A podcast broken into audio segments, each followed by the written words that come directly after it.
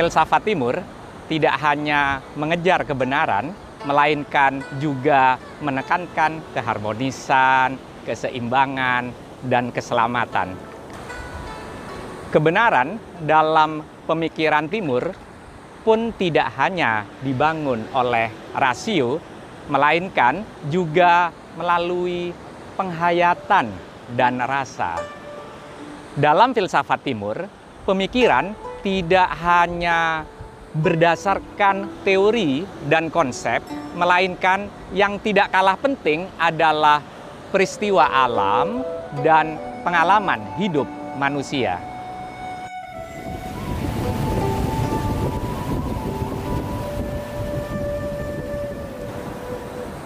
Meski sekilas terlihat filsafat timur tidak metodis dan sistematis, filsafat timur umumnya membangun harmoni antara manusia dengan Tuhan, manusia dengan manusia, dan terutama manusia dengan alam.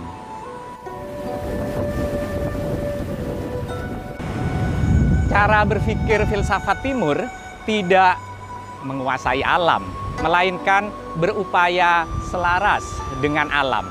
Sebagai contoh, tahu adalah sebuah filsafat tentang kebijaksanaan yang diajarkan oleh Lao Tse. Lao Tse mengajarkan bahwa semua yang ada di bawah langit mempunyai jalannya. Tahu bisa diartikan sebagai jalan, jalan yang tak terselami. Tanpa hasrat dan keinginan, seseorang dapat memahami yang tak terselami. Jika kita selalu memanjakan hasrat, kita hanya melihat manifestasinya di permukaan tanpa kedalaman. Dan apa yang tak terselami itu merupakan pintu menuju pada pemahaman.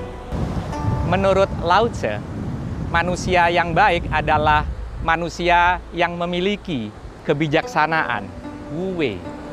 Wu Wei sering diartikan sebagai tidak memaksakan kehendak, sebagaimana air tidak pernah menuntut wadah, bejana, botol, gelas, menyesuaikan dengan dirinya.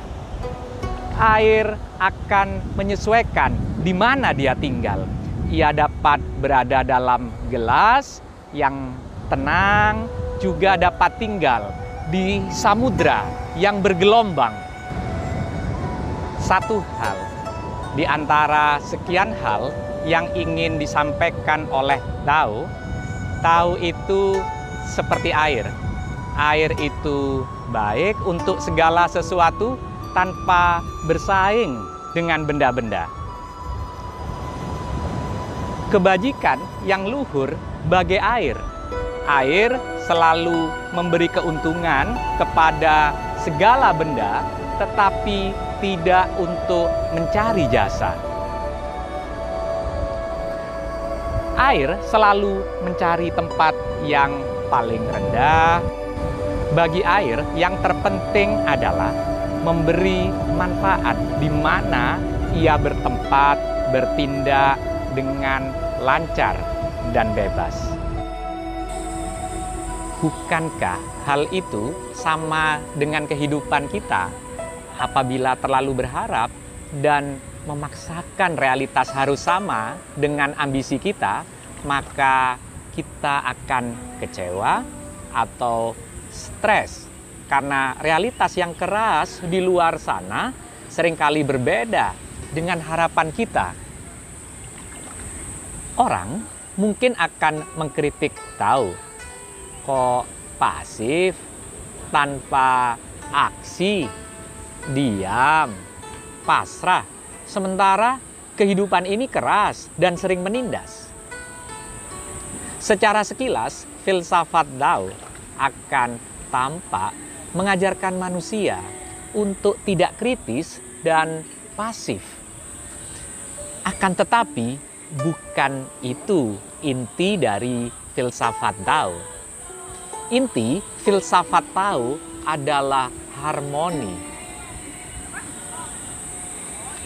Di bawah langit, semua bisa melihat keindahan sebagai keindahan hanya karena ada keburukan. Semua orang bisa mengenali yang baik sebagai yang baik karena hanya ada yang jahat. Ada dan tidak ada menghasilkan satu sama lain. Bukankah panjang ditentukan oleh pendek dan yang tinggi ditentukan oleh yang rendah? Sebelum dan sesudah jalan beriringan, jadi orang bijak hidup secara terbuka, hidup secara harmoni dengan tarian dualitas yang saling berlawanan sekaligus dengan kesatuan paradoks.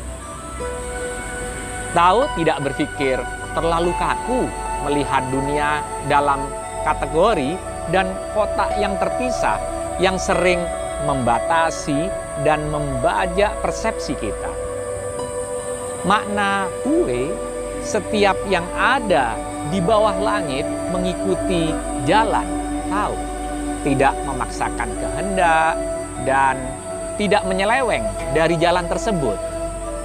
Kue bukan berarti pasif tetapi selaras dengan alam harmoni tanpa kekerasan tanpa pemaksaan.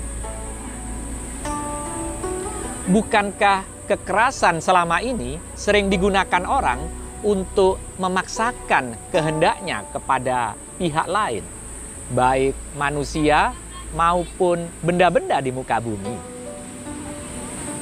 Dalam konteks keadilan, misalnya hukum alam dalam filsafat timur itu mengurangi yang kelebihan dan menambah yang kekurangan. Akan tetapi, hukum yang dibuat manusia tidak demikian. Bahkan sebaliknya, hukum dari manusia itu mengurangi yang sudah kurang untuk menambah yang sudah berkelebihan. Jadi, yang kekurangan bahkan diambil dan yang kelebihan justru ditambah. Sebagaimana peribahasa, jurang dikeruk dan gunung diuruk.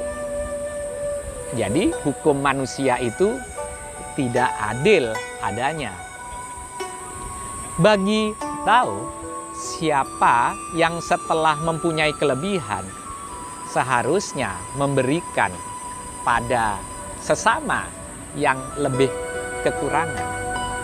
Ia adalah orang jaksana yang sudah mencapai tahu. Apabila ajaran tahu ini dihayati, maka kekerasan, pemaksaan, penindasan manusia atas manusia, eksploitasi alam dan kehancuran lingkungan niscaya tidak akan pernah terjadi di muka bumi ini.